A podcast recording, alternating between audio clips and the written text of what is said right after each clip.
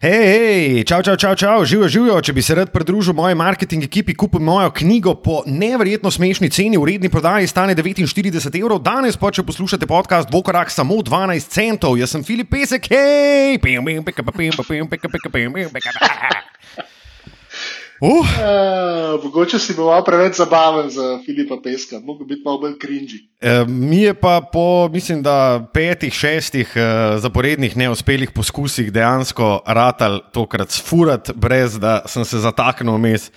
In uh, mislim, da sem kar, mislim.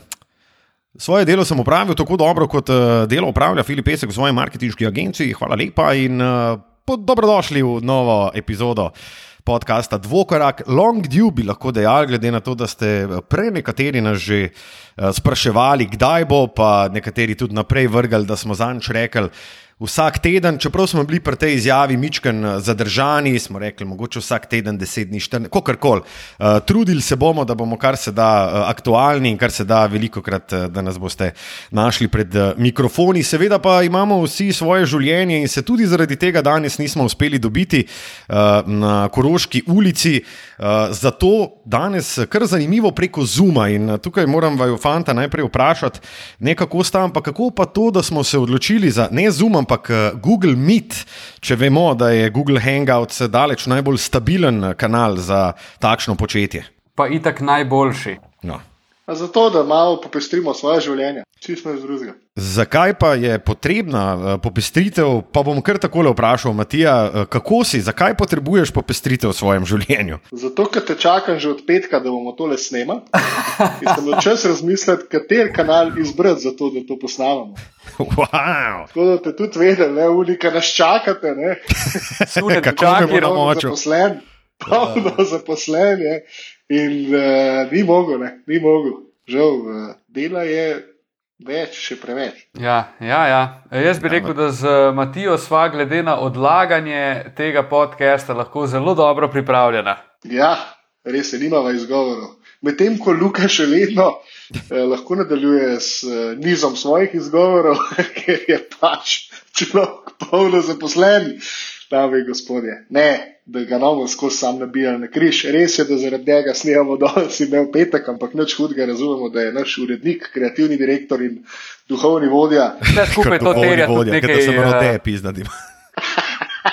Tole terja tudi kar nekaj odrekanja in uh, ne, volje in pripravljenosti na sodelovanje, in to niso enostavne stvari. Ne. Če si kdorkoli misli, da je enostavno biti urednik, kreativni direktor in Pa vse, kar pritiče našemu luki, naj, si, naj proba sam, pa bo pol videl. Točno Sam to bom rekel. Točno tako. Dobar, uh, Drugače sem pa v redu, Luka, ti. Dober, dober. Manjka mi to, kar imaš Dober, ti. dober. Ravno kar, kar vidim eh, preko našega Meet, uh, Google uh, video klica. Zato, ker jaz imam samo vodico, ti pa imaš eh, nekaj drugega v svojem vrčku, ki je prav poseben. Kje si, pa, kje si ga pa kupil, Matija? Ah, ta vrček bo vaju zdaj nasmejal, ampak samo vaju, ker poznata zgodbo. Ta vrček je pa mi prinesla ena prijateljica iz Nemčije. Ja, seveda, pa še kaj drugega je prinesla, če veš, kaj mislim. Uh, uh, Eni nosijo, drugi dajemo, a ne nima. Zelo dobro. Ja, giveri pa tekeri. Ne? Tako je. O, super vrč. Ej, Tiljuška, kako spa ti kaj? Uh, dobro, Luka, dobro sem. Pripravljen na snemanje tega podcasta. Nimam, nimam se kaj dosti za pritoževati. Cajt imam dosti. To je to. Zakaj pa imaš to ktajta, Tilen? Cajt imam zaradi tega, ker uh, mi ga je en dober prijatelj podaril, mogoče. Kaj pa vem, lej. Oh, ja. Točno tako. Luka ne drezaj, ker boš še kaj preveč zvedel. Ja, ja, ja, tole v osje gnezdo. Upam, da ni bil sifilis, no, uh, Tilen. Ti ga ni prijatelj podaril. Tudi jaz, Hepatitis. Ja, ja, tudi jaz, eh, Luka, upam. Kako je na to. že uh, ljube, uh, bolezen po ljubo, ali kako je že? A ne, to je pa, to je pa mononukleoza, fakt, kaj jaz govorim. Eh, Ko smo ravno pri ti. mononukleozi, dobrodošli Ne, v ko smo ravno, 41. Luka, ko smo epizodi. ko smo ravno pri tem, 42. odkot ti veš vsa ta imena bolezni, stari? Um, On je mal, jaz, Da je mononukleoza je bolezen. Mogoče mečken hipohondra. a, ne, ne. To bom rekel. Ne, ne, ne, ne, ne, ne. ne. O, ne, ne, a, ne, ne, ne, ne, ne. Ne, um, mononukleoza je uh, bolezen, ki jo ima zelo veliko športnikov, oziroma um, jo je imel tekom svoje kariere, recimo, predvsem v tenisu je zanimivo, koliko je bilo teh, te mononukleoze, zato ker fantje pač trikrat praktično obkrožijo svet na let, na sezono. In recimo Marijo Ančič eh, je nehal zaradi mononukleoze, tudi Roger Federer je imel eh, eno blagih oblik eh, mononukleoze. In vem, da se temu, mislim, da reče um, bolezen poljubov, zato ker jo lahko dobiš s poljubljanjem, ker se neke bakterije potem naselijo v tvojem telesu in si v bistvu, kada imaš skozi gripo ali neka taka fore, skozi si šibak in tako. Čak samo, kaj? No, zdaj, mi je, zdaj mi je Teja iz Kavča povedala, da je tudi imela ona mononukleozo, tako da me samo zanima, s kom si se pa žvalila. Ja. Mogoče je to tudi čas, da nadaljujemo z našo debato, ki nam pritiče. Ja, ja prosim, mislim, da je rekla Zlatko Dedič. Če se malo preveč resno, se preveč resno vzel vprašanje, zakaj toliko veš o teh boleznih. Ja. ja, se upravičujem. 42. epizoda podcasta Dvokarak, zdaj pa res. Uh, ugotovili smo, kako sta, kako smo, in tako kot vedno, pojdimo in se spustimo, namočimo ga v hate kotiček, prosim. Luka, boš kar ti, ki ga imaš z obeh že nekaj časa, da je. Lahko. Ajde, ajde. Ah, da bo tale začetek čist moj. Uh, jaz pa v bistvu tokrat imam hate kotiček, ki ni tako čist povezan sicer z basketom, je pa posledica basketa. In včeraj smo recimo videli, glede na to, da je danes ponedeljek, videli zadnjo tekmo Luke Dončiča v tej sezoni in kaj se je zgodilo v prvi četrtini, ko je Marko Moris pač Donko lagano okoli fike in bil temu primerno in posem legitimno zasluženo izključen. Ampak, okej. Okay. Gre za umazanega igralca. Takih igralcev smo mi videli tekom uh, našega spremljanja lige NBA, gromozansko v 90-ih, predvsem pa v 80-ih, se je tak basket uh, igral skozi, taki udarci so bili na vsaki tekmi. Jaz takšnih udarcev v moderni košarki niti približno ne sprejemam, predvsem pa ne uh, proti Luki Dončiću. Moram pa reči, da posledica tega, kakšna gnojenca je pa pol bila, premen, meni so. In so kolegi, pa tudi vem, ljudi, ljudje, ki jih ne poznam, pošiljali take nacuzelske mesiče, da je bilo noro. Bog ne da, da si se spravil kakšne komentarje. To je bilo pa stari. To so pa take žaljivke na, na, na račun Markoša Morisa, pa ne Markoša Morisa kot igralca, kot umazanega igralca, ki ga praktično vsaka ekipa rab, ampak na njega kot človeka, da imamo Instagram zakopati, eh, pa ga žaliti s tem, da je vsi vemo kaj, ker ne politično korektne besede in tako naprej. In Hvata, kaj je z vami na robe, ljudje? Pač ja, udaro ga je umazan, igralce, nima pa to nič veze z njegovo barvo kože, pa da so vsi, ki, ima, ki si delijo njegovo barvo kože, enaki in da zato je tudi to gibanje, uh, Black Lives Matter in tako naprej, da je to povsem uh, brez veze in da gre v bistvu vsem to uh, na živce. Tako da moj hate gre na vse nacuzle, ki so mi pisali in teh ni bilo malo, pa tudi tistih, ki so se položigali pod uh, komentarji postov na areni, pa MMC in tako naprej. Grozni ste ljudje. Wow. Jaz se s tem kar strinjam. No. Mislim, meni gre tudi to na živce. Uh, poleg tega, da mi gre na živce to, da če rečeš karkoli proti Dallasu, jaz sem naprimer dobo kar ne par uh, zloveščih komentarjev. Da, za, zakaj jih, jaz sem pač rekel, da bo 4-0 v prejšnjem podkastu, v končni fazi, uh, oziroma da, je, da za me Dallas nima realnih šans in to se je v končni fazi tudi izkazalo za resnično, kljub temu, da so oni trudili in imeli super ta playoff run, ampak na koncu koncev vsi smo vedeli, da bodo izpadli. Tudi ko so oni bili najboljši, pa so bili kao na pol na kolenih, klipsi. Jaz enostavno nisem verjel, da nikdar nisem verjel, da lahko Dallas gre naprej. In pol sem ogromno sporočil dobil na temo, uh, da zakaj hejtam Donko. Stari, odkje od je ideja, da jaz hejtam Donko? Če pač rečem, da se mi ne zdi, da je ekipa sposobna premagati kliprse. Zakaj je to hejt Donke? Tonka je za me top 5 igralcev v, v NBA trenutno. In zakaj je pač tip ni iz tega planeta? Ampak ne razumem, zakaj je hate, če rečeš objektivno, da se ti ne zdi, da lahko Dallas premaga kliprse. In pač to tudi na nek način obrazložiš, to je še skozi moje mnenje. In zakaj je to hate donke? Ja, jaz sem bil šokiran, ker, sem, ker smo dali ven na keto. um, kdo bo šel naprej v posamezni seriji, in je lagano, kdo bo Dallas proti Clippersom v tej anketi, Ja. po mnenju ljudi, da bodo šli naprej v prvi rundi. Mislim, ok, vse je kul cool biti navijač, ampak mislim, fajn je pa tudi biti malo realen, konec koncev sam do sebe. kaj. Mislim, pa takoj po tistem, ko smo posneli podcast, smo takoj dobili tweet.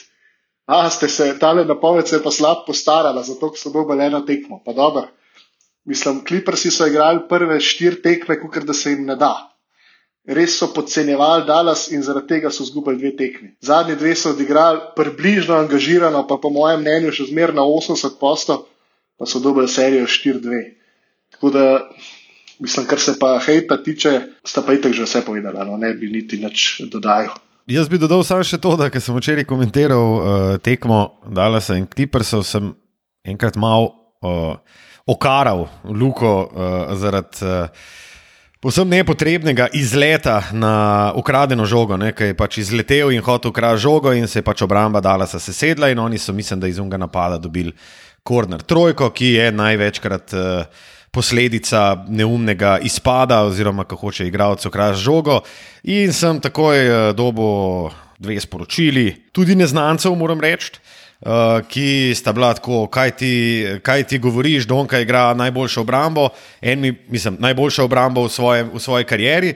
Um, Ki je izjemno dolga, drugo sezono, hvala lepa. Uh, en je pa rekel, da je brez Donke ne bi mogel on on sam vleče to ekipo. Ja, pa se je jasno, da vleče sam ekipo. Jaz sem sam rekel, da je on neumno, da je pač sprejel napačno odločitev, da je zletel ven na obrambi in da so zato dobili trojko. Jaz nisem rekel, da um, je Luka Dončić slab in da, da vleče nazaj ekipo. Ja, seveda je najboljši igralec ekipe, vse to vsi vemo. In ja, prav neverjetno je, koliko je folk zaščitniški do Luke, kada, kada, kada ne vem. Saj to je eni si prvoščiti tudi tudi, malo tudi, logično, da se ne. pove, kdo kaj dela prav, pa ne. ne. Tako. E, jaz bi sam izpostavil vajnega stanovskega, oziroma našega stanovskega kolega, pa vajnega sodelavca, eh, Tilna Lovšeta, ki je fantastično opisal, kaj je Dalas brez Luke Dončiča. Oziroma rekel je, Dalas brez Luke ne bo igral v Coach Carterju. Uh, pa če enim Tatum najboljši. Ah, the Oh, best. bog. Oh, Marija. The best, zelo dobro. Zelo dobra primerjava. Drugače, ko smo. Uh, Ko smo ravno pri Tilnu Lovšetu, ne, Tilna Lovšeta bi jaz označil osebno kot največjega oziroma glavnega hišnika arene, glede na to, da je v enem večeru pometel z dvema serijama. Dve tekmi je delal en večer in uh, dvakrat uh, metla. Ja. Hudo. E, jaz bi se mogoče s svojim hejtom tle navezal. Jaz jih imam ene par, ene par stvari me Odlično. Nekaj časa že iritira, oziroma me je tudi včeraj ziritiralo. In tudi jaz se bom malo tle na luko. Um, kaj mene moti pri luki, ker očitno smo dosti tako razpoloženi, da govorimo malo kontra luki. Ja, lej, če je šel ven, ajde, iz, um, šel ven iz playoffa, je treba tudi kaj povedati. Ne, Ja. ne moramo biti. Ta, ta izpad iz prvega kroga je isto kot zmaga, kot radi rečemo. Uh, tretje mesto, ki se sveti kot zlato, pa ne, loserska mentaliteta, totalna. Ribarjenje, ribarjenje. Čeprav ta serija je mini zmaga za Dallas, zato ker so prišli v playoff in se mislim, da bodo vsi skupaj veliko naučili iz te serije, sploh pa Luka. Ampak moram reči, da to, da na začetku je bilo, no, na začetku mu je par minut ni šlo, zgubljal je žoge, um, ene dva šuta je tudi falil. In pol, je, pol se zgodita dve stvari. Prva stvar, ta se zgodi tudi, če da koš, pogled proti sodnikom, to me noro ziritira, noro me to ziritira. Druga stvar, če pa slučajno ne da koša, je pa let, leti tri metre v avt za čelno linijo, obrne se pred sodnikom, kriv z rokam in stari preden on začne laufati nazaj v obrambo, se uniži v raketi. Ja, tranzicijske obrambe. Mislim, vse lepo in prav, vse, ja, itak da je ni. Mislim, vse, vem, da on zahteva spoštovanje pri sodnikih, tako kot ga marsikdo, ki je še mlad, se uspenja in še ni tako uveljavljen. To mi je popolnoma jasno in to tudi spoštujem po eni strani. Ampak nekma pa stvar svojo mejo. Jaz mislim, da ima Luka, pa to sem vam tudi včeraj napisal. Jaz predlagam, da se, zdaj glede na to, da smo začeli s hejtom, pa se kar, eh, bi rekel, Luka Šucin ga konkretno namočili v serijo oziroma tekmo med Clippersi in uh, Dallasom, da malo še o tem porazpredamo, ne? tudi da se dotaknemo malo Clippersov, going forward. Jaz bi rekel, da Luka je, ne, ko sem rekel, za me top pet igralcev in to je dokazal. Dallas, ko se je rekel Matija, je to je njihova sanska sezona bila, oni so prišli nazaj v playoff. Mislim, da so dali misliti Clippersom več, pa kar je marsikdo mislil, da bodo. In oni, za njih je to vsem pozitivno, kar je v končni fazi tudi Luka rekel včeraj po tekmi, kot nek pregled sezone. Ampak, da se dotaknem tega, on gre po mojem tok ljudem in nasprotnikom in sodnikom, nasprotnikom v kombinaciji s tem, da jih pač ubija in pol še teži zaradi teh uh, no-kolov ali pa po njegovem mnenju faulov, ki niso piskani, sodnikom pa konstantno on skozi teži sodnikom stari. On skozi kodaka, skozi kodaka nekaj, pa dej stari, dej mir pa igraj. Mislim, na, na eni točki je to pač tu mač in si po mojem marsikdo, le, vse on je, ko so neko top 5 v ligi, ampak on je še skozi drugo leto, to so sodniki, ki sodijo NBA 30 let. A veš, tudi oni imajo nek, imajo nek starš tam, pa ne, nek položaj in se tudi ne bodo zdaj pustili vsakemu, da bo vsak zdaj njim za vsako stvar na igrišču govoril, ali je bil faul ali ni bil. Pa dej stari, ti nisi tam nekdo tri ljudje so tam, da piskajo, ti si sedaj, da igraš. Te malo se pomiri, stari. Jaz mislim, da bi on bil bolj miren, če bi, če bi rahlo se opustil, kar se tega tiče, da mora za vsako stvar biti sodniku v faci, da nekaj ni prav naredil. Ali pa korak po korak, no, vse so stvari, ja. ki jih včasih res ne piskajo. Definitivno. Se splača pritožiti, zato ker je pač to očitna napaka. In takrat bo tudi, se mi zdi, da vsi, ki ga gledajo, nasprotniki bodo po svoje stali za njim. Zaradi tega, ker se bodo z njim strinjali. Sam čisto vsako stvar. Sem on. Pa križ čisto vsako, pa nima veze, a je koša, ni koša. Ja, pa tudi, je tudi, pa alergani za vsako stvar. Tudi težava je v tem, da ko ti enkrat do take mere začneš težiti, tudi če pol, naprimer, če on drugo leto pride nazaj, pa neha. Zdaj, ljudje že mislijo, da pač on teži in on bo enkrat na tekmo zatežil in vsi bodo rekli, le ga spet teži, skozi teži. Tudi če spoh ne bo skozi težil, je pač dojemanje njega kot igralca, ki skozi teži sodnikom. To mora zregulirati. No? Če zdaj iščemo une malenkosti, ki jih ti plah izboljša, čeprav je pač nori. Ne, pok basketa je sej. Primari basket. Na robe razumel, no? primari tako. Redni, redni profesor. Redni profesor na košarkarskem igrišču, dr. Luka Dončić. uh, še kakšen hejt stresem, ki sem že jih tleh. Ja, no, dej, dej, dej tile, uh, večina igralcev lige NBA, uh, ki so zdaj zelo glasno um, in se po mojem mnenju tudi pravilno protestirajo proti ravnanju, proti črnski uh, manjšini v ZDA, ne, strani predvsem uh, organov pregona in tako naprej. Sam nekaj ima pa pol noro zmot. Sicer je to posledica tudi tega, da sem jaz blazno nereligiozen človek, ampak Se pravi, po eni strani se ti dogaja to, po drugi strani si Damien Lillard in si cel življenje grl, kot črna živina. Mogoče se to že nekaj poslušalo, tako je.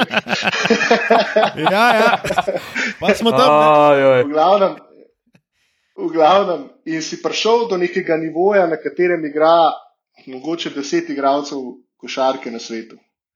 In potem se tvoja sezona konča, ekstremno uspešna sezona za povrh. In on, namesto da bi vem, se zahvalil svojim igralcem in tako naprej, eh, konc koncev tudi samo sebi, ki je povedal, prva stvar, ki jo človek pove, je o tem, kako bi se rad zahvalil Bogu, da mu je to omogočil. To mene ziritira, ampak ziritira v pojem. Zdaj.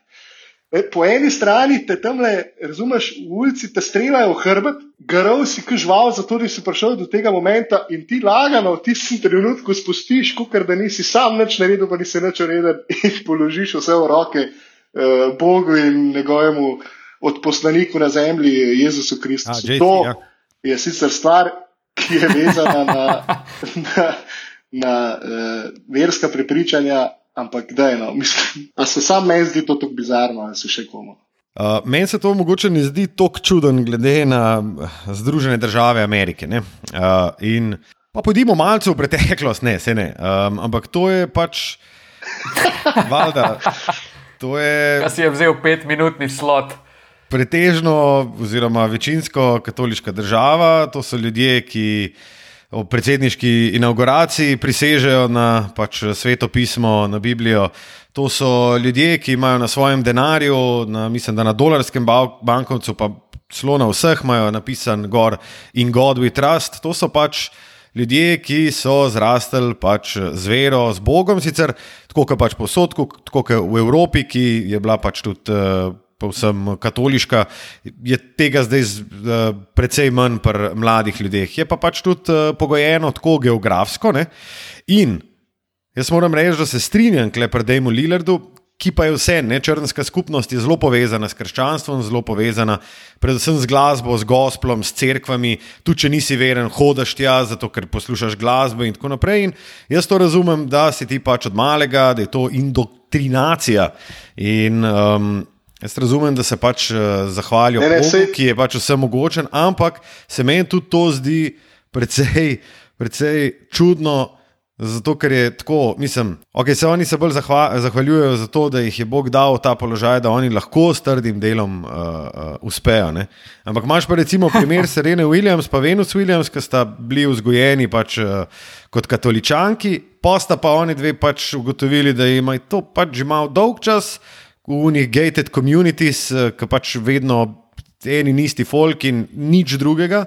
In sta se odločila, ja, mi da bo pa zdaj v Džahveja eh, verjele, in je pač eh, Serena Williams dobila, mislim, da zadnjo je sopen in je lagano na prvo vprašanje odgovorila, kaj je bilo, ne vem. Kak, Kako je potekal meč?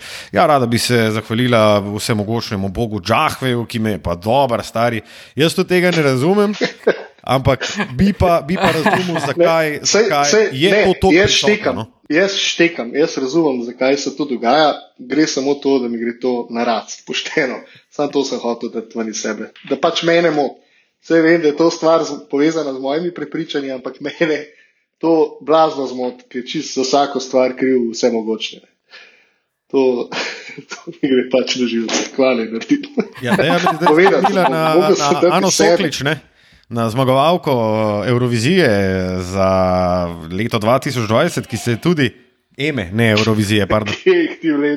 uh, ki se je tudi pač zahvalila Jezusu Kristusu in takrat, jaz se spomnim, ker sem pač bil prisiljen gledati to, ne? nisem pač iz svojega užitka gledal. Uh, um, ne, spomnim, da smo pač valjda vsi smo bili tako, kar model, modelka se je kar zahvalila Bogu. Ampak fucking pač lej, tako kot se. Tukaj jaz, jaz ne vem, jaz častim hrano, pa basket, pa donko, oni pač neki drugi. Wow. wow. Pa še eno stvar bom tleh dodal, ki je prav tako mogoče za nekatere nesmiselne, me gre pa blazno na živce. Leto 2020 ni čisto nič krivo, ampak je sam tukaj. V času je nastopilo leto oh, 2020 dober, in folk nehite govoriti, se leto konča. Ker če bo nekdo umrl v letu 2021, pa se mora pa še 2021 končati. Okay? To je pač trenutek v času in leto 2020 ni čist neč krivo za to, kar se dogaja. Mene prav, hvala. Prav, hvala, hvala, mislim, Matija, hvala tebi. Hvala tebi. In jaz bi na tem mestu najprej pohvalil uh, to platformo, ki nam jo nudi. Ne? Ki nam je Bog poslal vse mogoče. Vse mogoče in nam jo omogoča, da lahko svoje frustracije in to vrstna prepričanja damo ven iz sebe in ponudimo ne zgolj en drugemu, ampak tudi našim poslušalcem. Na, na tej točki ne, bi pa rekel, da je to bil en fantastičen rent, ki me je mogoče, glede svoje vseobsežnosti, uh, tudi malo presenetil. Matija, zelo dobro. Predvsem zelo pogumno bi jaz rekel. Ja, zelo, ja, zelo dobro. Meni me gre tudi malo na živce to, ja, pa leto 2020, ja, pa ok, stari, kaj, zdaj, ko pa 1. januara, pa ne vem, uh, virusa več ne bo, ali kaj, pa kaj se reče, ljudje več ne bodo umirali. Ne? Ja, mislim, pač, da so leta je... 1918 tudi uh, med epidemijo španske gripe si tako le pošiljali golobe, pismo noše, pa je ta star, fuck off, 1918, a fuck je let. Upam, da bo čim prej konc, stari. E, mislim, da smo pa izgubili z mojim rentom tudi eno pomembno skupino naših poslušalcev in sicer se lahko uh, poslovimo od tistih, ki so nas poslušali ob uh, odhodu na nedeljsko nedeljsko mašo, ja. sledi njih. Krščanski demokrati. Uh, mogoče.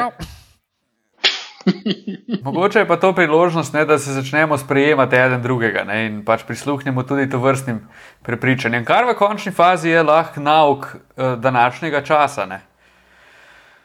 Res je. Kakorkoli, uh, jaz bi se mogoče zdaj malo vrnil ne, nazaj še na uno serijo. Matija je včeraj ob gledanju te uh, tekme dala s Clippers ob sila primernem času za evropsko občinstvo, na nudu, uh, da se zelo veseli debatke o Clippersih. Ne? In zdaj, glede na to, a, a, gremo reči, da smo z Dallasom zaključili. Ok, ne, nismo še. Pejmo pogledati, če Dallas. Lega, lega, Lukas je pa na sladoledek. Jo, lega, lega, lega. Madonna.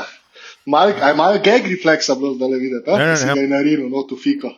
Moram pa reči, preden se lotimo te serije, da sem se jaz zdaj lotil King Temptation.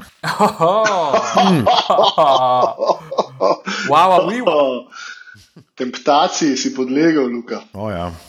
Če ima ta vidva pivo, imel pa je sladoled. Um, čaka, nimaš ti še hejta, a smo vsi dali hejt. Jaz ga še nisem dal, ampak jaz ga bom dal pol. No, Dajmo zdaj še malo pri tem ostati. Ok, Dallas je ekipa, ki ima, če gledamo zdaj malo plačo za naslednje leto, je v bistvu na robu Selleri Kepa že v tem trenutku.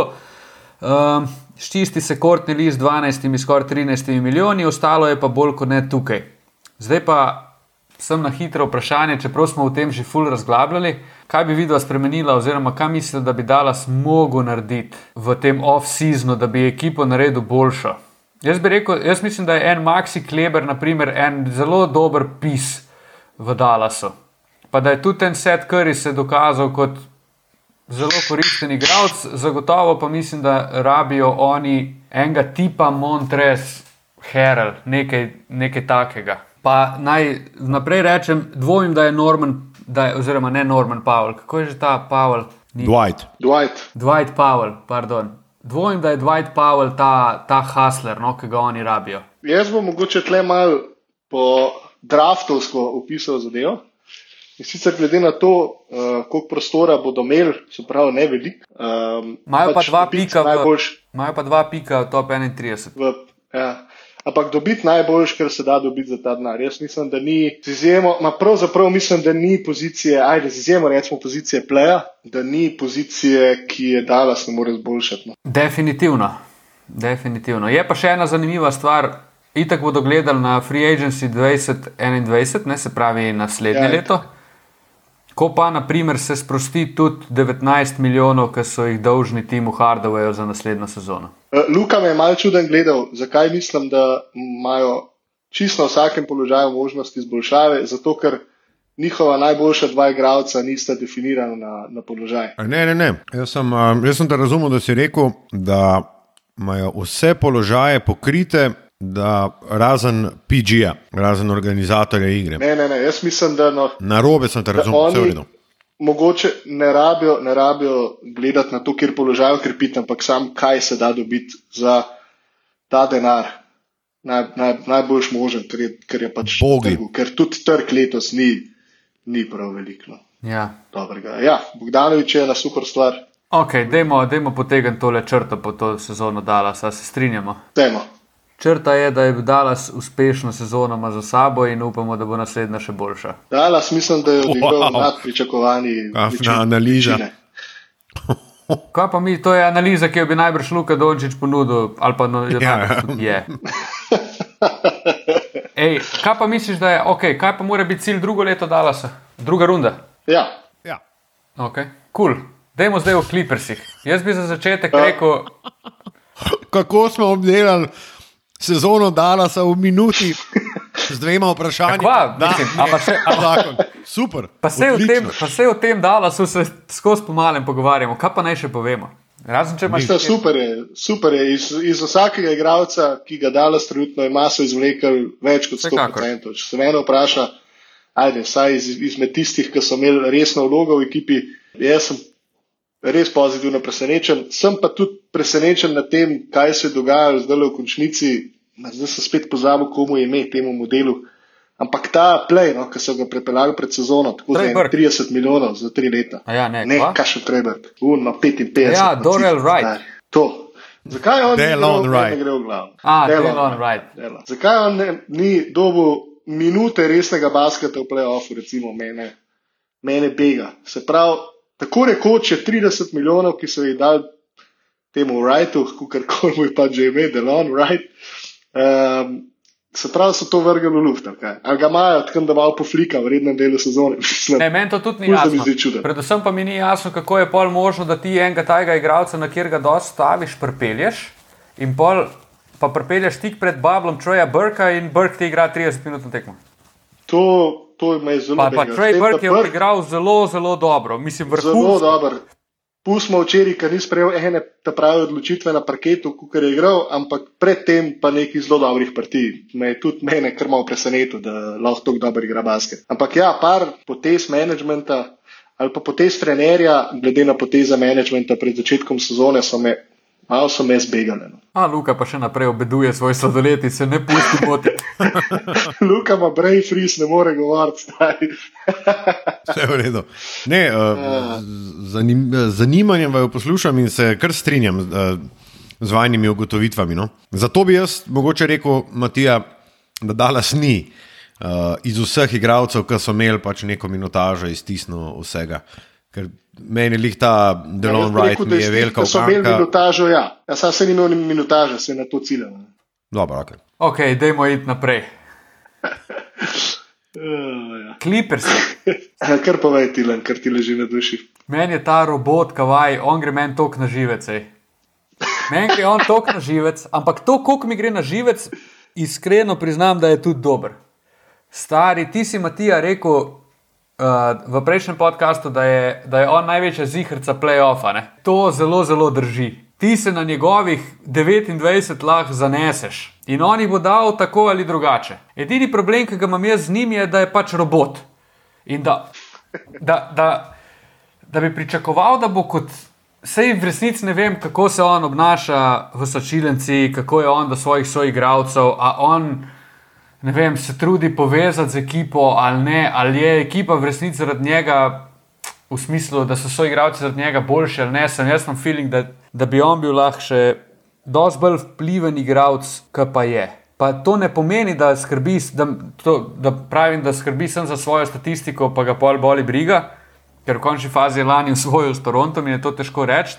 Ne vem, pač na živce mi gre ta faca njegova, ki je robotka stari.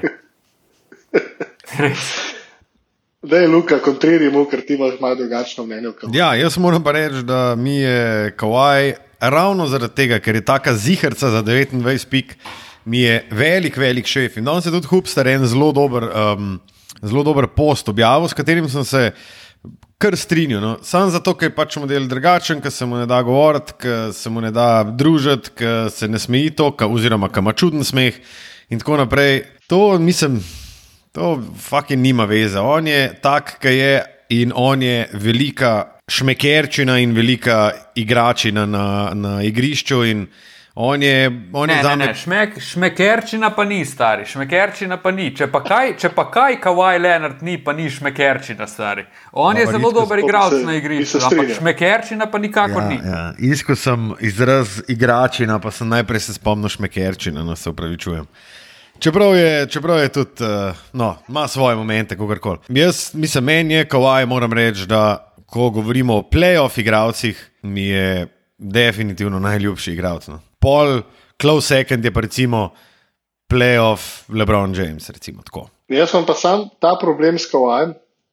Ta problem se je zgodil potem, ko je zapustil najboljšo franšizo na svetu in jaz od takrat naprej ga osebnostno mi, mi ne paše da zapustiš najboljše možne pogoje in najboljšo možno ekipo za te, s katero si mimo grede že osvojil naslov. Na tak način, kot ga je on, pač tle je on osebnostno premen izgubil. Vse pike mi je pa velik šef, ko gre za samo igranje basketa in nič drugega. Model je zapustil najboljšo franšizo, v kateri lahko bil šel v fucking Toronto in osvojil. Ja, kralj. Super je, super je. Sam na kakšen način jo je on takrat zapustil, če se spomnite. Pa, ja, pač ni šlo, pa fantomska poškodba meč. Enega za drugim, to je bilo meni kar, kar ogabno in tako smo vsi vedeli, da ima odzad pač neko agendo s tem svojim stricem in da jih verjetno briga samo cache in nič drugega. To me je pač zmotil. Mi je pa noro, ko jame žogo na prostih metih, naredi dva brezvezna jab stepa in ti jo rukne v faco, to mi pa divje dobro. Ej, to mi pa the best. Eno vprašanje. A, je, a bi res raj vzel, se pravi, gremo, gremo gledati zdaj zadnjih deset let, a bi raj vzel playoff Kawaja, pa playoff Lebrona? Ne. Zelo dobro vprašanje. Ker jaz nikakor ne bi raj vzel Kawaja. To je najbrž tudi jasno, ampak zato me zanima vajeno mnenje. Jaz uh, fiks uh, en idejo zadnjega desetletja vzamem Lebrona. Pravilen odgovor, Luka, čestitke. Ej, To je ta si ga pofafati, ja, ne, koroško. Grozen. Ej, uh, Super. a se strinjamo, Uh, da gre igrajo pa- zelo, go- zelo ogaben basket. Ja, Ja, vse. jaz Tole mislim, da natepavanje, Clippersi igrajo ogaben izolaciji. basket. O, Marija. In jaz bi rekel, da oni sploh ne vejo, kaj, kako sploh hočejo oni igrati basket. Jaz mislim, da njim to ni Jaz jasno. pa, jaz pa tega ne razumem, kar ti govoriš, Tilan. Jaz mislim, da oni točno vejo, kako hočejo igrati basket in to, kar gledaš, je, ko oni hočejo igrati basket. V Te, če je pa to res, pol je pa to zelo žalostno. Ker oni Ja, igrajo- je, sam je bi ga, tle imaš tega kawaja, ki pač ampak pobija po svoje, pa 30 povej- pik, imaš pola Đorđa, ki si sploh ne zna zbrati položaja na igrišču, odkuder bi rad metel, on sam pač neki se tam premika okoli, pa šajba neke nerealne šute, ogaben. Paul George je grozen. On največji je- libero vseh cajtov, stari. On nima pozicije. On, on, on kar teče gor pa dol po igrišču, pa dela neke stvari, pa, pa proba zadeti, pa ful slabo mu gre v zadnjem času. To. Sam to je pač to, kar je počel že v Oklahomi. Mislim, meni je on največji poraženec letošnjega playoffa, by far. Okay. Pa ne zato, ker, ne zato, ker mu ne gre šut. To sploh pač to pride, pa gre. Zato, ker glede na to, da ti ne gre šut, on si ne, recimo za spremembo od Kawaja, on si ne zbere svojih spotov na igrišču, odkuder je res dober, zato da pride do nekih svojih deset laganih pik, da pride v ritem in pol igra. On jih kar neki šajba, stari. Kar res, čist brez veze. No, vse to je. In to me v bistvu najbolj kot moti. si ti zdaj rekel, to je to, kar boš videl, to je način. Kak pa je to način? Da mi, daj mi opiši stil igre Clippersov. A na kak način on pride do teh svojih Ne, ne, ne, ne. kdorkoli. Pač, ko sem jaz rekel, da, ko si rekel, da ne razumeš, ko jaz pravim, da, da ne vem, kaj sploh Clippersi so, pa kako oni igrajo. Ne? Da oni A ja, pa vejo, kako način, igrajo. da- Pač, kak, kaj vejo? To je način, da nekdo prepele žogo prek igrišča, da smo v bistvu ugotovili, da v bistvu nima veze, kdo jo prepele. Včasih jo Reggie Jackson, včasih jo pa malo manj, da ne Ivica Zubac. In pol poiščejo oziroma ustvarijo mismatch um, z enim gibanjem, ponavadi je to mismatch na Kawaju ali pa Polo Georgeu in pol on igra ena na ena. Če je na igrišču še Blue Williams, potem to probajo narediti z Louis Williamsom. In to je vsa znanost, ki jo on igra. A mi že lahko s tem pridejo do finala ali pa osvojijo? Ja, zato ker ima toliko dobrih igralcev. Ja, jaz se, mislim, Strinjam, da ni, da ni gledljivo. Jaz mislim, da je, da je njihov basket ful ne gledljiv, ampak bi, ma mogoče bi celo ne toliko spet na samem igrišču, ampak v, kot, oni meni sploh ne izgledajo kot ekipa. Ja, se ne. Se, oni so, pri njih je tukaj jasna hierarhija, kot po mojem nobeni drugi ekipi. Tle ni, vse smo takrat se že pogovarjali, kako je bilo, ko so se zabavali z Ivico Zubcem. Pa se vidiš pola Đorđa, da se sploh z nobenim ne pogovarja na treningu. Grozen, ampak pač kvalitete je pa toliko, da boh pomaga. Meni- Ne, Imaš pa tam na klopi enega Doka Riversa, ki zna zadevo postaviti Ja. ja. v neko No. funkcionalno no. okolje. Da se zdaj navežem na to. Mene oni malo spominjajo mogoče na 2-8 Boston, ki ga je way tudi vodil Doc Rivers. A veš, Boston je tudi v uni sezoni, so oni izbrali Garneta, Elena Pirsa, Rondo, Perkins in pol še plejada ostalih ljudi, ki pač so bili tam zaradi tega, ker so imeli to srečo. In oni niso imeli prepričljive sezone, niti niso imeli neke hude identitete takrat. Pač bili so trojka, o kateri se je ful govorilo, tako se pač dan danes govori o Kawaju in Džordžu. Ampak pa so prišli pa v playoff, pa tudi ni vse štimalo. Oni so še takrat sedem tekem v prvem krogu z Atlanto. Zatem, se pravi, oni so rabili eno težko serijo, če primerjamo zdaj, jo dobil tudi, so jo dobili tudi Clippersi proti Dallasu. In jaz mislim, da to njim ful pomeni. In če oni zdaj v, drugi, v drugem krogu realno, Clippersi lahko gredo za isto igro, kot so jo zdaj prikazali proti Dallasu, z istim nivojem interesa, pa zavzetosti, pa bodo serijo dobili. In pa se bodo srečali najverjetneje z Lakersi. Takrat bi pa treba, bo pa treba, po mojem, malo več pokazati. In če bodo oni takrat pripravljeni biti tudi kot ekipa bolj homogeni, Pol mislim, da Clippersi letos ne more ustaviti nihče. In Clippersi so še skozi, bi rekel, da naj prvi kandidati za naslov. Glik zaradi tega, ker, so, ker delujejo grozno raštelani, ampak še skozi zmagujejo tekme. Luka, daj povej, kaj si že približno pet minut tiho. Ja, moram priznati, da sem uh, odpisal na dva maila in da te nisem preveč poslušal. Hvala. Uh, se upravičujem. Sem pa slišal Doc Rivers, Boston uh, in uh, Kendrika Perkinsa si umenil in tako naprej. Dobro, dobro. Pa da je pober se, stari. Res, ne, ne, ne, se sem da poslušal, hetam. Uh, ne, jaz se strinjam, da, da strinjam se deloma z Matijo, deloma s tabo. Jaz mislim, da Clippersi so večji del sezone recimo iskali svojo identiteto, pa jo najdel tam, ker mislim, da tudi sami niso mislili, da jo bojo najdel. In to zdaj pač gledamo. To je en tak koktejl, koktejl nečesa, do česar so oni prišli po dokaj naravni poti, ko so videli, pač, koliko lahko kdo igra. Je pa res, pač spet smo tam. No. Včeraj je bil Reggie Jackson. Oni imajo na vsakem položaju človeka, ki lahko naredi to, kar fucking Reggie Jackson je naredil včeraj. Na prvi tekmi prodala so je bil to Jamichael Green. Pa imaš eh, PG-ja, ki ti da svoje, pa imaš, um, pa imaš Kawaja, pa imaš pol, ne vem, konc koncev, še recimo njihove šoterje, pa Lua Williamsa in tako naprej. Oni imajo toliko enih ljudi, ki. Ne vem, no, mislim. Reči, fucking Jackson, fanti moji. No. Clippers ima tri igralce, ki ležit, ampak res ležit, vsako tekmo, kater koli od njih, ali pa dva skupaj, data 30. Ja. In to je brez kakršnih koli težav. Lou Williams jih natoči 30, sem dej mu žogo, pa jih bo on dal. Jaz mislim, da večjo identiteto morajo oni, ali pa večjo homogenost, no? morajo oni iskati v obrambi. To pa mislim, da, jaz mislim, da v tem playoffu še nismo videli.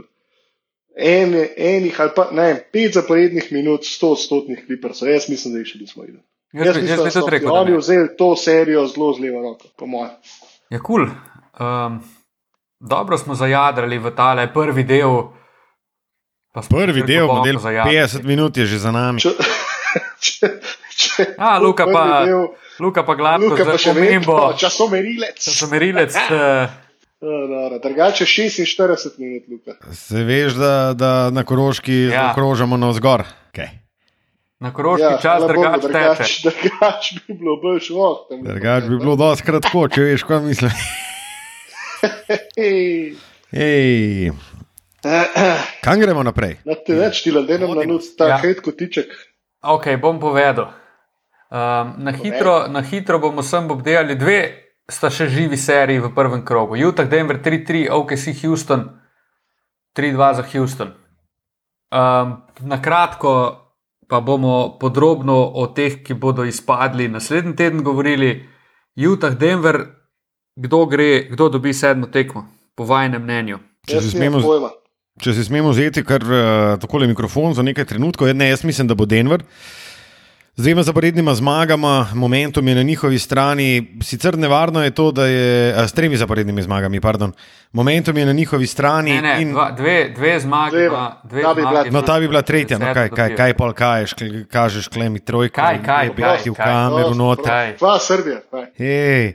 Uh, no, in uh, samo vedeti moramo pa nekaj. Ne. Uh, Jamal Murray je Marija pomagi zadnji tri tekme odšpilo majestralno model, da je v zadnjih treh tekmah v povprečju 47 točk, 7 asistenc, 8 skokov iz igre, meče pa 63 posta. A si ti resen? Ne, jaz mislim, da zaradi momentuma, pa tudi ker na dolgi rok Houstonu res manjka Babo Bereta. Um, vidim Denver Jutaho. naprej. Uh, Jutaho, ja. In zato vidim Denver naprej, pa tudi zato, da bo naš uh, slovenski reprezentant Vladko Čančar uh, okusil slast igranja v, v drugem krogu, končnice lige NBA. Se pravi, ga šparajo za drugi krok. Jaz mislim, da bo bolj malo okusil, bo pa več prisoten. Tudi to je nekaj, le jaz bi z veseljem bil na njegovem mestu zdaj v tem trenutku. Okay. Eh, Matija. Jaz ne vem, kdo bo, jaz ne vem, kdo bo dobil. Moram pa reči, da je Denver, če sem prej govoril o Polu Džordžu kot največjemu razočaranju med igravci, je Denver moje največje razočaranje med ekipami. Vsaj, kar sem uspel gledati tekem, no, vse teh zadnjih nisem, ko se je Marijo strgal, ampak ekipa, ki je igrala to klep napadalen basket čez celo sezono, uh, se je pa zatekala v playoffu k temu, da so vrgli žogo Jokiču na low post, da je on igral ena na ena. Ne gre mi v glavo. No, jaz mislim, da Denver bi bil že izven tega mehurčka, če se ne bi že malo strgal. Definitivno. Uh, Juta me je pa presenetil s tem, kaj so, kako igrajo, no, kljub temu, da mislim, da bo imel večje težave zaradi tega, ker ni baba berete. Recimo, da dajem možnosti 51-49 za Utah Jazz. Wow. Uf, lepa. Jaz bi si v bistvu bolj želel, da gre Utah naprej, ampak bi dal pa glih obratno, bi dal 51-49, da gre Denver naprej. Ta, ta momentum pa sploh ne vem, če ima v tej seriji kaj dost veze. Kamen se tudi Denver zdi. Dal 85-15, da gre Denver naprej. Uh. Super. Jaz mislim, da je, da je Denver ena bolj anemičnih ekip, z izjemo Džamala, ki je pa, pač lights out v tem playoffu. Ostali so yep. pa kot bystanderi, pač Nikola Jokič, ne vem, več sem pričakoval od njega. No, Jaz sem tudi zgubil simpatijo, no, sem mislil, da bo malo njihova fokalna točka napada, ampak njihov napad je tako statičen, da sem sam vesel, da Džamal cufa, ker eh, drugače bilo prav. Ja. Pa bomo, pa bomo, bomo več o tem govorili naslednjič, pa imamo še pogled, OKC Houston, 3-2 Houston in naprej gre kdo? Houston. Ja, še preden bo tale podcast zunaj, bo Houston že v drugi rundi. Tudi jaz bi se strinjal. Ja, neč, glede na to, da smo zdaj, odkar smo na zadnje posneli, je kar nekaj ekip izpadlo in bi jaz predlagal, da se na hitro sprehodimo skozi te ekipe in pogledamo, kaj jih čaka v prihodnosti. Dajmo se sprehodimo. In tu bi no, se navezal na prvo, in to, je, in to je Indijana, in tu bi rekel moj hate. Ne? Moj hate je pa navezan na vodstvo Indijane, ki je odslovilo svojega glavnega trenerja Neita McMillana točno, mislim, da deset dni, zdaj sem super rekel točno in pol v naslednjem trenutku mislim. mislim. Uh, kakorkoli. V glavnem, oni so najprej podaljšali pogodbo z Neitom McMillanom, In pol so, ga, pol so izpadli 4-0 od Miami, in pol so mu rekli: Hvala lepa, stari, mi te več ne rabimo. In pol, kar so naredili, so dali najbolj obupno, obupen press release, kar se tega tiče. Dobesedno so se mu posrali v faco, stari. Oni so napisali tam, da je on bil, ne vem, 3-16 v playoffu, da je pač rekord. Ki ga je on naredil, jaz bi rekel, da delo, ki ga je opravil Nate McMillan v svojem obdobju pri Indijani, je bilo zelo dobro in nadpoprečno s personelom in ekipo, ki jo je imel na voljo. In da pa se posloviš od tega trenerja, da pa sem reč, ok, uh, gremo v drugo smer, Nate McMillan, ne vidimo ga več kot glavnega, vredo kul. Cool. Ne pa navajati nekih stetov zraven, pa ne poveš, da si igral lani, letos brez Sabonisa. Pa z nekim šepavim oladipom, karkoli je že ta oladip letos bil, lani brez oladipa, da si izgubil playoff od Clevelanda za skupaj, mislim, da 16 točk štiri leta nazaj. Glavnem, ni, ni bilo vse tako slabo, ampak če so oni pričakovali, da bodo pa s to ekipo, pa z Netom McMillanom dosegli vem, finale vzhoda, je, pa, pa Bog pomaga, se treba tudi vprašati, kakšne so to pričakovanja. Ne? Mislim, ni, mislim, da načina, kako bi oni lahko upravičili to, kar so naredili. No. Ne glede, mislim, ti da daš press release oziroma nek statement, ja, razumem, moraš ga dati, ampak v takem primeru. Ker ti 14 dni potem, ko podaljšaš pogodbo, sicer samo za eno leto, s trenerjem ga odpustiš, takrat moraš biti tih kret, pa sam upati, da bo čim manj folka to opazil in da bo šlo samim. Tako. Pač, Karkoli narediš, je narobe. Tudi če upravičuješ, ali pa če rečeš, da on je bil eden boljših trenerjev v naši zgodovini, pa je pa pač tudi vprašanje, zakaj ga pa tako ruknil po dveh tednih, ki si ga no, podaljšal. Pač vsaka, vsaka zadeva, vsaka akcija po tej odločitvi je bila slavna, vključno z, z odločitvijo. Da mi razloži, kje je. Kaj si ti razmišljal? Se pravi, ista oseba je njemu najprej podaljšala pogodbo in ga pol odpustila. Ne? Zdaj mi pa razloži, kaj se je v teh 14 dneh spremenilo, da si ti šel od Neita McMillana, osebe, ki jo hočeš podaljšati, uh mhm. -huh. do Neita McMillana, ki si ga hladno krvno odpustil. Kaj ja. v tvoji glavi dela? Mogoče je pa videl, da je na trgu prostih trenerjev se je odprlo tudi eno ime in to je Brad Brown. Če hoče pa Browna pripeljati, ali pa Luja, ali pa Kida, ali pa ne vem. Ja, ne vem. Ne.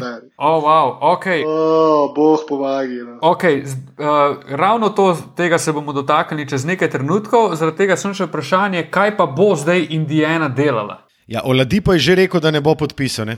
No, evo, Indijana, Oladipo ima še drugo leto na pogodbi, 21 milijonov. Podpisali so Sabonisa, ki mu bodo nanudili konkreten cash v naslednjih štirih letih. Brogdona imajo podpisanega, Milesa Turnerja imajo podpisana, a veste, da oni plačujejo Milesa Turnerja 18 ja, milijonov na leto. Res je, res je. TJ-ja Warrena imajo podpisanega še za dve leti, Jeremy Lamp še dve leti, ostalo je pa bolj kot ne že vprašljivo, pa tudi ne glih neke hude omembe vredno. Zdaj pa kaj, kak je njihov, uh, kakšna je njihova prihodnost, če sploh obstaja?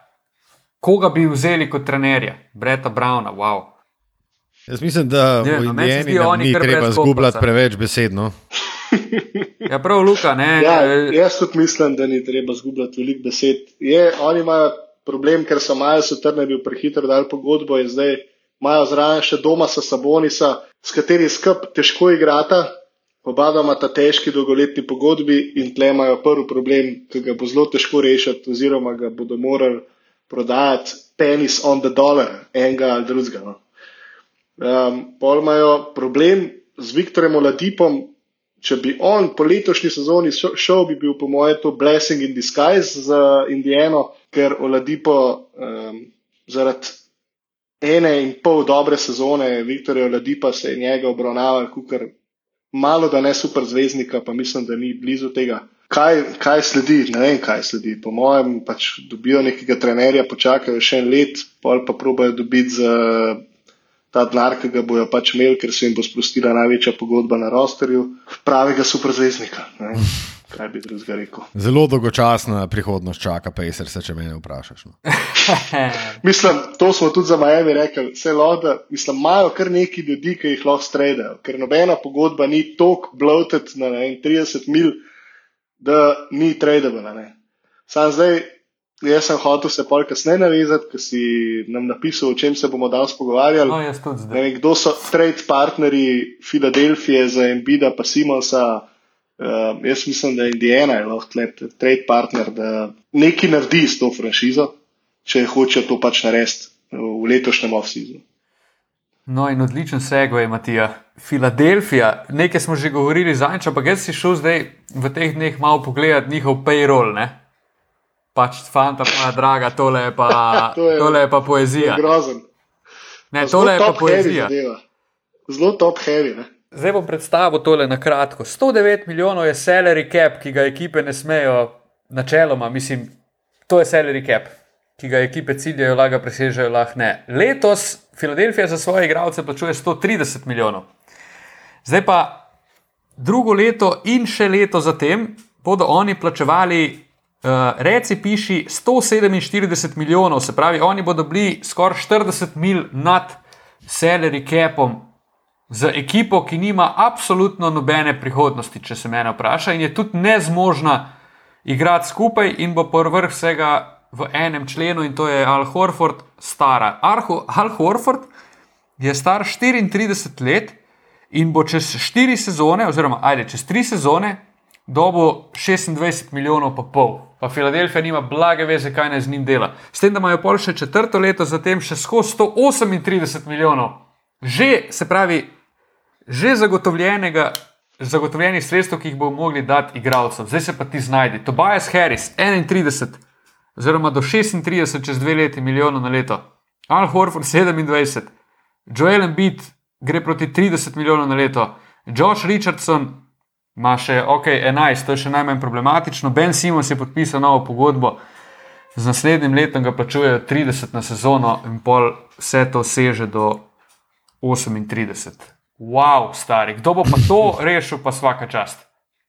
Oni imajo en zanimiv podatek. Pošteno za kvačko. Predoči ga, Luka. Je, je, je kar kvačkar, ja, Matija, bi se jaz kar strinjal. Eh, zelo na velika vrata je prišel, zelo veliko so pričakovali od njega, v bistvu je pa pol že prvo, uh, tako le bom rekel, vprašljivo potezo potegnil, kaj je Ala Horforda pripeljal. Uh, bi se pa ti le navezal še na ta tvoj garantiran denar. Ne? Recimo, Ja. Filadelfija bo v sezoni 2022-2023, torej po koncu sezone, še dve in potem, torej če, čez štiri sezone, če tako gledamo, da smo v sezoni 2019-2020, imela garantiranega denarja, ki ga bo mogla izplačati 131 milijonov. Oganta, koliko denarja mora garantirano izplačati Oklahoma City Thunder v isti sezoni 2022-2023. Torej, Filadelfija 131, Oklahoma pa 40, 3 milijone. Oh, the best. Zakon. Imaš tudi ekipe, imaš tudi 10 ekipe ki imajo nulo. Ne? Lakersi, Detroit, New Orleans, Chicago, ki nimajo pa niti enega igralca. Imaš pa še pogodbi za 10 štiri first rounderjev, Ja, imaš pa še 10 first rounderjev do takrat. Ne. Ja. Mislim, ne, najbolj, najbolj me je zbegala izjava Eltona Brenda po, tem, po koncu sezone, ko so vrgli Breta Brauna, uh, je zraven uspel še izpluniti, da bodo skušali rebuildati to ekipo, brez da tradejo enega izmed najboljših dveh, oziroma mm. Embida ali pa Simonsa.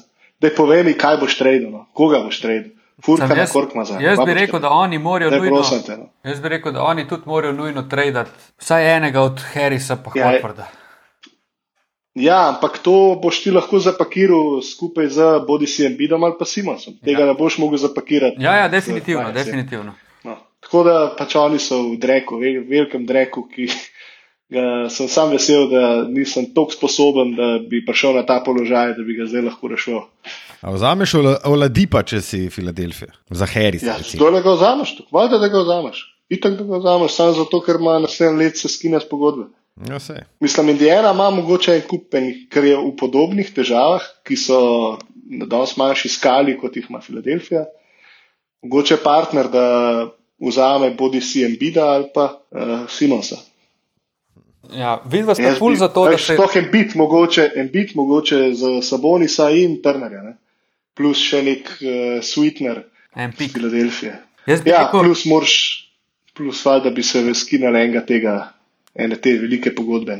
jaz bi na mestu Filadelfije mogoče celo tradal oba. Mislim, ali pa se potrudil, če bi se to dalo. Stari, ker to ne bo šlo nikamor. Z Embidom Pa ne boš bi, uspel. tega ne bi naredil, tega jaz ne bi naredil. Mislim, nisi dal zdaj, če si ta isti GM, ki si podaljšal pogodbo obema košarkarjema, ne boš se zdaj obeh hotel znebiti. Pač to, Ja, ja, sam no. se pluneš v skledo. To se strinjam, ampak Ne moš, tega ne moreš narediti. Če bi jaz govoril, če bi zdaj, na primer, prišel v Fi- kaj bi jaz naredil, da zdaj pridem v Filadelfijo, bi najverjetneje dobesedno vrgel bombo v sočilnico, pa naj gre vsakdo kam če. Ti nisi pravi človek za to, da bi zdaj prevzel Filadelfijo, ti ne morete razočarati, ker gojiš preveč osebnih zamer proti tem košarkarjem. No, kakorkoli že. Um, Filadelfija je odrekel, v gnoju. a imate še kakšno idejo, kam bi dala ali Embida ali pa Simonsa? Naprimer, uh, V smeče. tega sem, uh, sem wow. Luka pa zgine vmes, pa pa pride nazaj z izjavo. Ena ideja, ki se je porajala, naprimer, je, bila, je bil tudi Sacramento kot partner v tem delu, ne? ala nek Buddy Hilt pa Marvin Bagley za Embida. Ja, good luck with that. Jaz ne rečem, da Zadnji Sacramento je lik dosti disfunkcionalen, da se strinja s to zadevo. Ja, sej, pač, v tem bi se tudi Embid zelo dobro znašel ne? in tudi nikdar ne bi bilo več nič od njega. Mislim, jaz, če sem, jaz, če sem Filadelfija, ne vzamem Hilda pa, pa Beglija za Embida. No. To sem mislil. To je pa, to je pa zanimivo. To, Ja, to se pa lahko pogovarjamo. Mislim, ker problem ga boš imel kamorkoli od, odpeljati. ne. Če ga boš odpeljal sam, ga imaš problem kamorkoli odpeljati. Pojdimo naprej. Uh, Brooklyn Evo. in Orlando sta še dve ekipi, ki sta že izpadli letos, a sploh bi se o tem karkoli pogovarjali. Naprimer, jaz ne vem, jaz ne, mislim, da nimam Please ene ne. besede, ki jo zdaj lahko rečem o Orlandu. Razen tega, da Orlando je pač pa ena oni, taka franšiza, da. oni pa dobesedno Bog pomagaj. životarijo na Terencu Rosu, pa eh, DJ-ju. A ta DJ Augustin, jaz sem se zdaj prežgal eno tekmo en dan in sem videl, da DJ Augustin še skozi igra basket. Stari. Zato smo se jih prejšnjo. Ja, zakaj se vsakič pogovarjamo o DJ-ju Augustinu? Ja, Je še iz časov, eh, iz časov tega le. Howarda. ja, noro, res. Noro. Ja, takrat je v Bobcatsih nabil. Oni so zgleda, Orlando ima rad te uh, majhne pleje. Vse takrat, ko sem imel pa Dwighta v unem final zranu, sem imel pa Jamirja Nelsona. Oh, ja, ja, ja. Pa še Jamir prej Nelson. Stevie franchise, pa tako. Um, Mislim, jaz v Orlando nimam kaj dosti povedati. Tudi jaz tudi ne, To jaz je sploh ne zanimiva destinacija za nobenega. Grozni so. Pač oni bojo, oni so pač ujeti v ta mediokriti. Njim se, njim se Dokler še, se pač ne bo, dokler se pač to ne bo začelo delati tako, kot se je začelo delati pri Clippersih, se pravi, da ti zamenjaš vse in greš iz čiste nule um, franšizo graditi, tako kot so jo oni začeli graditi s tistim Lob Cityjem. To je nek način, kako postaneš relevanten. Ampak zdaj oni nimajo ne, ne, nimajo ne pikov. Jaz bi rekel, da Orlando ima-. Orlando ima tudi uh, iz sezone v sezono to veliko nesrečo, da jim rata priti v playoff in pol še v loteriji ne morejo nič dobiti in pač so ujetniki samega sebe. Kaj pa Brooklyn? Ali je to Brooklyn pa čakanje na. Irvinga pa, pa Durantulo? Mislim, Ja, Brooklyn ima predvsem precej bolj svetlo prihodnost kot Orlando. No? A ja, to pa, to pa zagotovo. Lega, lega. Čeprav, a to res drži? A, Je moj lamutko, je. Oh, koliko predsotkov, koliko predsotkov, pa to je neverjetno. Zakaj? Ja, tvoja dva najljubša igralca. ne vem zakaj, ti povej. ti povej zakaj. Ja, ne, ni, se, jaz sem samo vprašal, sem nimam nobenega predsotka. Jaz mislim, da bi bil lega. Zdaj me kar prek Google Pa ne me. Pa obtožuje. komu ti lažeš? Pa zakaj? Ti lažeš? Nimam nobenega, nimam predsotka, v Brooklynu nimam predsotka. Stari, ti daješ Dorenta, pa Kajri Irvinga, čisto isti koške in bida pa Simonsa. Ne, to zdaj, ga, zdaj, pa, zdaj se me malo žalo. No. Ja, To ne no, drži, stari. pa ta koš, samo sosednji, nič kaj dosti. To ne drži. Jaz mislim, da bo, mislim, da bo uh, Durant spoznal težavo, ki, je, ki se ji reče igranje z Kajrijem Irvingom. Ampak, le, mogoče pa tudi ne. Kaj pa veš? Eno. Um, zanimivo bo tudi videti, kakšen Kevin Durant pride nazaj. Mene to najbolj zanima v bistvu. A bo zdaj to Kevin Durant, ki smo ga vajeni, ali bo to zdaj nek uh, Kevin Durant po poškodbi. Ja, tudi to. Včeraj sem se z enimi kolegi iz Bele krajine pogovarjal, pa smo prišli do vprašanja, koga bi rajši vzel, glede na to, da Dorent prihaja po poškodbi, pa Curry tudi po, prihaja, da mu reč po neki poškodbi, ampak ima tudi neko večjo preteklost poškodb kot pa Dorent. Koga bi rajši v tem trenutku vzel v ekipo, ali Dorenta ali Curryja? Ja, valjda Duranta. A res, jaz bi Curryja. Jaz bi tudi Durenta. Ma ne vem, tip je hodeči mismatch, stari. Ha, dobro. Pa smo zaključili. Ker razočara. Mislim, to je vprašanje, ki v bistvu ne terja nujno nekega explanaciona, ki je tudi težko dati. Najbrž ta explanation. Fanta še Portland ne nam vem, no. ostal. Ah, Portland je pa še ena. Portland je, mislim, Portland čaka bi, jih, če, zelo. če bi rekel. V žalu bi, jih, če bi, če bi rekel, da sem na zelo podobni točki kot Orlando, ampak je bil mater, da prav grozen, veliko boljš pa spet. Ja, oni so tu dojeti. A no, ja, matko, no. Neki, jojno. Ja, kva stari. Ja, stari, jaz bi rekel, da Portland- ple- Ajde, lani, lani je res rad. Portland še skozi, jaz bi rekel, da ima zelo dobro ekipo trenutno sestavljeno. Jaz bi hotel videti ta Portland eno leto zdrav. Pa zdaj, če bodo pa spet šli v prvi rundi ven, pa Bog pomagaj, pa bodo šli. Se strinjam. Meni so tudi zelo všeč. Ena najljubših ekip v NBA. Čaka jih pa še ena izjemno lepa novica in to je, da se Hasan Whiteside svojo 27 milijonsko pogodbo poslavlja. To pomeni, da bodo imeli nekaj prostora. Pa poglejmo eh, njihov salary cap. eh, samo Ne, ne bodo. Jaz ga ne bodo? odprtega. Oni so kar na Oni so, oni so točno za drugo leto imajo že zdaj guaranteed money na salary capu. Še malo čez, ampak res Ne, čist malo. pol milijona. 110 imajo. Ja. Uh, oni so trenutno, oziroma v tej sezoni, imajo najdražjo ekipo, 137 milijonov. Marija, pomagi. Mislim, kaj narediti. Ne vem, no, Vse sta McCallum in Lillard sta zelo fajn, ampak mogoče bi bilo pa zdaj počasi že smiselno raziskati trg. I broke my back spinal. Čeprav jaz, meni sta izredno kul, cool, ampak ne vem, no, mogoče če hočeš eh, nekaj probat, itak, eh, se Makalom kot prvi ponuja, kot človek, ja. ki je zanimiv za nek tretne. Ja. Ok, še eno vprašanje. A pripeljete nazaj Melot ali ne? Ja. Odlično. Ba jaz se New York zanima za Melota. Ne? To je bilo pa Ja, noro. res, res. To je bilo odlično. To, bi bilo, to, to, bi bilo, to sta edini dve um, destinaciji, na katerih si želim Melota naslednjo sezono. Kaj pa to, kar se Brooklyn resno zanima za Grega Popoviča, stari. To je pa meni ena taka nora govorica. Če se to zgodi, pa, pa tudi eh, ne vem, je nekaj narobe s tem svetom. Jaz sem, jaz sem takoj zaprl, ko sem to videl, sem takoj zaprl uro spletno stran, na kateri sem to videl, ker se mi ne zdi izvedljivo v sanjah. Mislim, ne v sanjah, v nočni mori. no. Ja, ne vem, zakaj bi si to Greg na ta leta prvoščil. Se, točno to stari. To Tega mu ni fajn je treba. bilo, zdaj se už pa to nakopal, pizda. Ja, ja, ja, ja. Te dva reveža, mislim, reveža, vse sta super človeka, ampak mogoče nista najbolj ravnovešena. Jaz mislim, da bo Greg šel precej hitreje v pokoj, kot da bo podpisal za Brooklyn. Se In se bo lepo zabaval uh, z dobrim rdečim vinom in rusko literaturo, v katere je velik ljubitelj je Greg Popovič. Ruska literatura Oh, in wow. rdeče vino.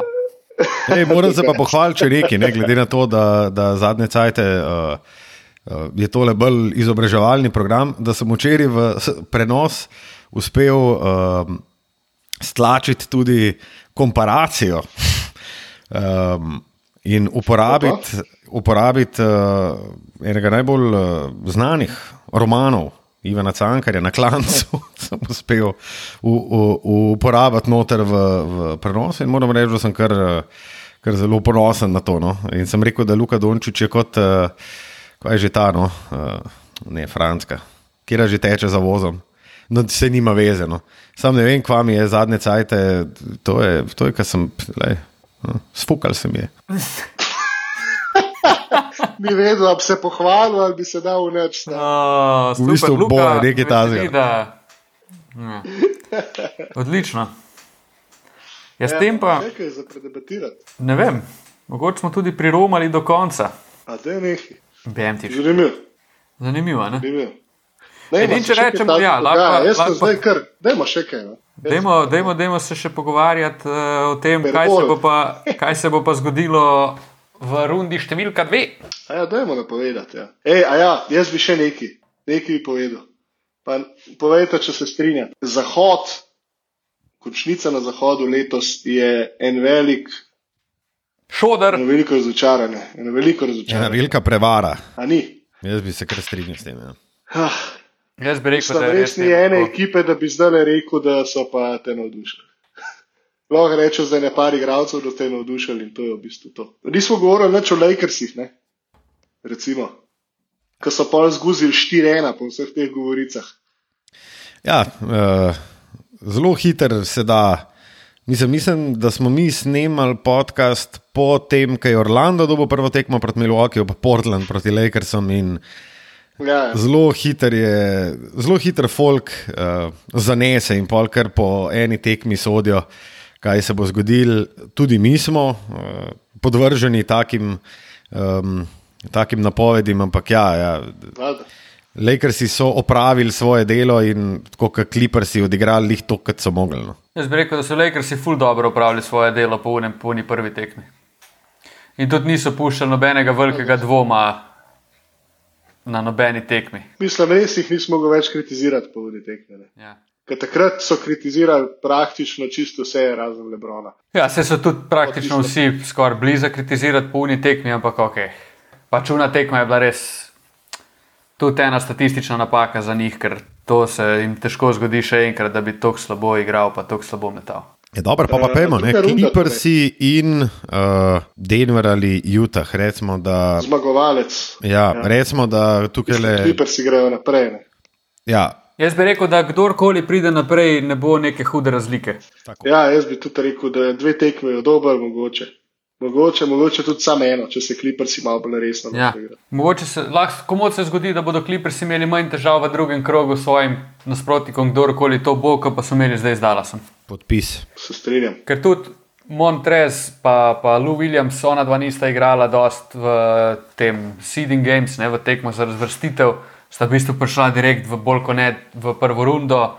Montres, to besedno direkt v prvo rundo in tu, ko se to vse skupaj še malo, uh, ta stroj na oli bo težava. Jaz bi sam rekel, da je vse od pristopa odvisno. No. Da niti igralski kader, ali kdo je igral, ali koliko je igral. Ja, Mogoče to sploh ni važen, ali sam morajo oni se odločiti, da jim jih zguziti in jih zguzijo tudi štiri ure, če je treba. To, to, je, to je res. To je res. Lakers in Houston. Jaz bi rekel, da, je. da gredo Lakersi naprej, pa Houston dobi mogoče dve zmagi in da bomo se spet pogovarjali o tem, da ko se nekdo koliko toliko ok v obrambi postavi in da ko Houston ni odvisen, mislim, ko je Houston odvisen samo od te trojke, kar je, pač bo šlo vse hitro, en brek. No, ampak če predpostavljamo, da bo Houston recimo zadev po 15 do 19 trojk na tekmo, kaj pa pol. Nima veze. Ja, Zaradi tega, ker oni bodo, oni če dajo 20 trojk na tekmo, je to 60 točk. In oni bodo dali za teh 20 trojk, bodo sigurno vrgli jih 60. Pa to je soliden odstotek. Pa nič čudnega za njih. In pa priješ do tega, da zmanjka metov za, vem, za dve. In če bodo oni dajali 105 pik na tekmo, 110 pik na tekmo, tudi ne vem, če lahko Lakers se štirikrat zmagajo. Sej, Pa ne bodo pa če 120, bodo pa- 125 na tekmo. Ne? Če bodo pa stari zadevali 20 trojk v povprečju na tekmo v drugem krogu playoffa proti tem Lakersom, pa pa vsaka čas pejte v finale, stari. Pa pa res, pa pa, ni, Ej. pa pa nimam kaj reči. Pol je pa Mike D'Antoni dosegel vrh svoje trenerske kariere in so se vse njegove mokre sanje uresničile. Ej, tega Majka Dentonija tudi celijo nekam, kam že. Ja, Mike D'Antoni, njemu se poteče zdaj pogodbo in selijo ga v. Dom za ostarele meščane, Trnovo. Ne, jaz mislim, da se nekaj je govorilo o Filadelfiji za njega. Pa še ena ekipa, še ena ekipa je bila, ena taka smešna, nek tak Orlando ali nekaj takega. Wow. Uh, ok, si smo kar, smo se v bistvu od njega že poslovili. Mogoče še en zanimiv trade partner za Filano. Ja, definitivno. Hmm. S Krisom Polom, pa z Stevenom Adamsom, pa uh, koga še imajo tam oni spodi. Kako so oni bedni, stari, ker. To, ok, si. ja, mislim. Mislim, ok, si ima kar nekaj čipov. Jaz sem poslušal en podcast z Billom Simonsom ne? in je bila ena teza, sicer smo, nisem o tem hotel danes, ker še Denver ni izpadel, ampak nima veze. On je, na primer, full razgradil ekipo Denverja, v smislu, da mora Denver neke stvari spremeniti in da pač so nalovdani igralcev, ki zdaj sami ne vejo, kaj bi z njimi in pač sploh ne vejo, kaj so, razen tega, da se trga Jamalu Murrayju. In on je, na primer, CP-ja iz Oklahome poslal v Denver kot tretji pis zraven Jokare pa, pa Murrayja, kar se meni sploh ne Zelo zdi dobro. tako slabo. Mislim, če so pripravljeni, ok, si odtradati Krisa Pola, um, pol bi mogli kar nekaj ekip resno pogledati Ja. proti tej opciji. No. Ne vem, Kris Pol pa Jalen Beat, pa vsi ostali, ki so v Filadelfiji, kar naenkrat zgledajo, se mi zdi, da vsi dosti boljši. ja, jaz bi tudi rekel. Če se, že, če se že o tej opciji pogovarjamo. Dobro, Kul. Cool. Kul. Uh, kva še vzhod, ne, ne povemo. Ja, Boston, dajmo. koliko bo Boston zguzil Toronto? Je bila Toronto, kar. glede na to, da eh, smo se. Glede na to, da smo se prej pogovarjali, da se ful radi zaletimo po prvi tekmi, je to en tak, uh, kar taka zihrca, da se malo zaletimo, kako bo Boston Ja. spil Toronto, kaj nič. Mislim, šest tekem. Ne. Jaz mislim, da je 4-2 Boston. Jaz bi se temu kar hitro pridružil lahko. Tukaj pa imamo uh, Toronto bo zmanjkalo koncu. Toronta, ne? imamo tam le na drugi strani, ki okleva svojo napovedjo. Pa poglejmo. Ne, bom jaz rekel, rad ampak Toronto. v sedmih tekmah. Oh, wow. V sedmih. Ne Cool. bo. Jaz pa mislim, da jih bo sedem na obračunu Miami Milwaukee. uh, Pismo. Jaz, se, jaz najbolj na svetu upam, da Miami izloči Milwaukeeja zaradi več razlogov, zaradi tega, ker pač mi je Miami ljuba ekipa in tudi zaradi tega, da bom pa lahko govoril, da Janis ne more v resnici v playoffu nič narediti. Itak. Jaz, Uh, se- jaz se popolnoma strinjam, Tilen, jaz sem tle, popolnoma sem s tabo. Naj se to zgodi. in pač sem, tudi me ne briga, lahko, je si, lahko tudi v osmih tekmah zmaga Miami, sem naj. Ja, ta je bila dobra. Ja. Jaz bi rekel, da Miami ima zelo dobre, zelo dobre možnosti proti Milwaukeeju. Ja, imajo Bema debaja z Janisa, to me zelo zanima. In oni, ma, jaz bi rekel, da z Najani so je bolj kot en posameznik, da bo tu Ja, ja, ja, ja. ja. igrala vlogo kolektivna obramba, ki jo Miami lahko igra full dobro. In jaz mislim, da bo Miami, oni si bodo rekli, ok, Janis nas ne bo zmagal. Če nas bo pa Erik Bledsal svojo trojko, jebi ga, vsega pa ne moremo braniti. Pa Erik Bledsal jih Jo. ne bo s trojko zmagal. 4-2 Jaz Miami prav. tudi eh, bi stavil, da ne. Opa, maj To, gaj. se pravi, vsi, vsi smo rekli Miami naprej. V bistvu. Pismo, ja. Ja, Pa to je zelo, tako bom rekel, bajast. Mislim- ampak jaz tudi mislim, da, da če se Miami, mislim pa jaz vem, da bo Spolstra naredil zelo, zelo dobro obrambno schemo za, strinjam. za Janis Killer. Jaz mislim, da jih Miami resno, resno lahko na, na guzi, moto guzi, 1100. jaz bi tudi rekel, tudi po, po mojem se Ful ful je res žur. se bomo lahko pogovarjali o tem, koliko bodo zadeli vsi razen Janisa pri Milwaukeeju. A bo George Hill še skozi imel 46% trojko ali ne, ali bo Brook Lopez imel koliko, 40, 38% trojko ali ne, ali bo Chris Middleton dal svoje ali ne. Odvisno, ali se ga bo George Hill ukekil optimalno O, ali ne pred tekmo. stari. Kjer šef, stari, kako je rekel? I take a shit before every game. Want, want me to be honest? Want me to be perfectly honest? Yeah, we wish that. Ja, Pa pa sam Stari, gremo. kako se je postral in v faco. Če tega niste pogledali, Dobro, definitivno zelo priporočljiv posnetek. Yep, je. Kaj počne George Hill pred tekmo? Kinja. Uh, se pravi, to je pa zdaj to, a? Ja, Ja, se pravi, imamo finale konferenc, imamo uh, LA Showdown, pa Boston, Miami. Oh, to bi bilo meni Wow. best. Meni tudi, to bi bilo noro. To je bilo super. Tudi za ligo NBA, da ima obe Los Angeleški ekipi v finalu konference, da ima veliko franšizo, kot je Boston eh, v finalu konference, pa da Miami, ki je tudi zdaj pač, eh, od Wade naprej rastel praktično iz leta v leto, pa so zdaj kar malo pozabili na South Beach in talente, ki še vedno rekel- tam igrajo.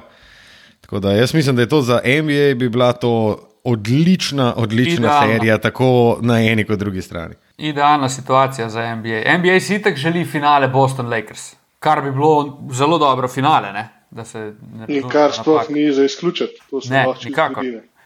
Nikakor. Ampak več o tem potem. Oh, mislim, da smo Ej, prijadrali do konca 42. epizode podcasta Dvokorak, Matija Kosmač, Štile Lomut, Lukaš Tucin, vam kličemo. Ne, ne kličemo nič. Matija, povej.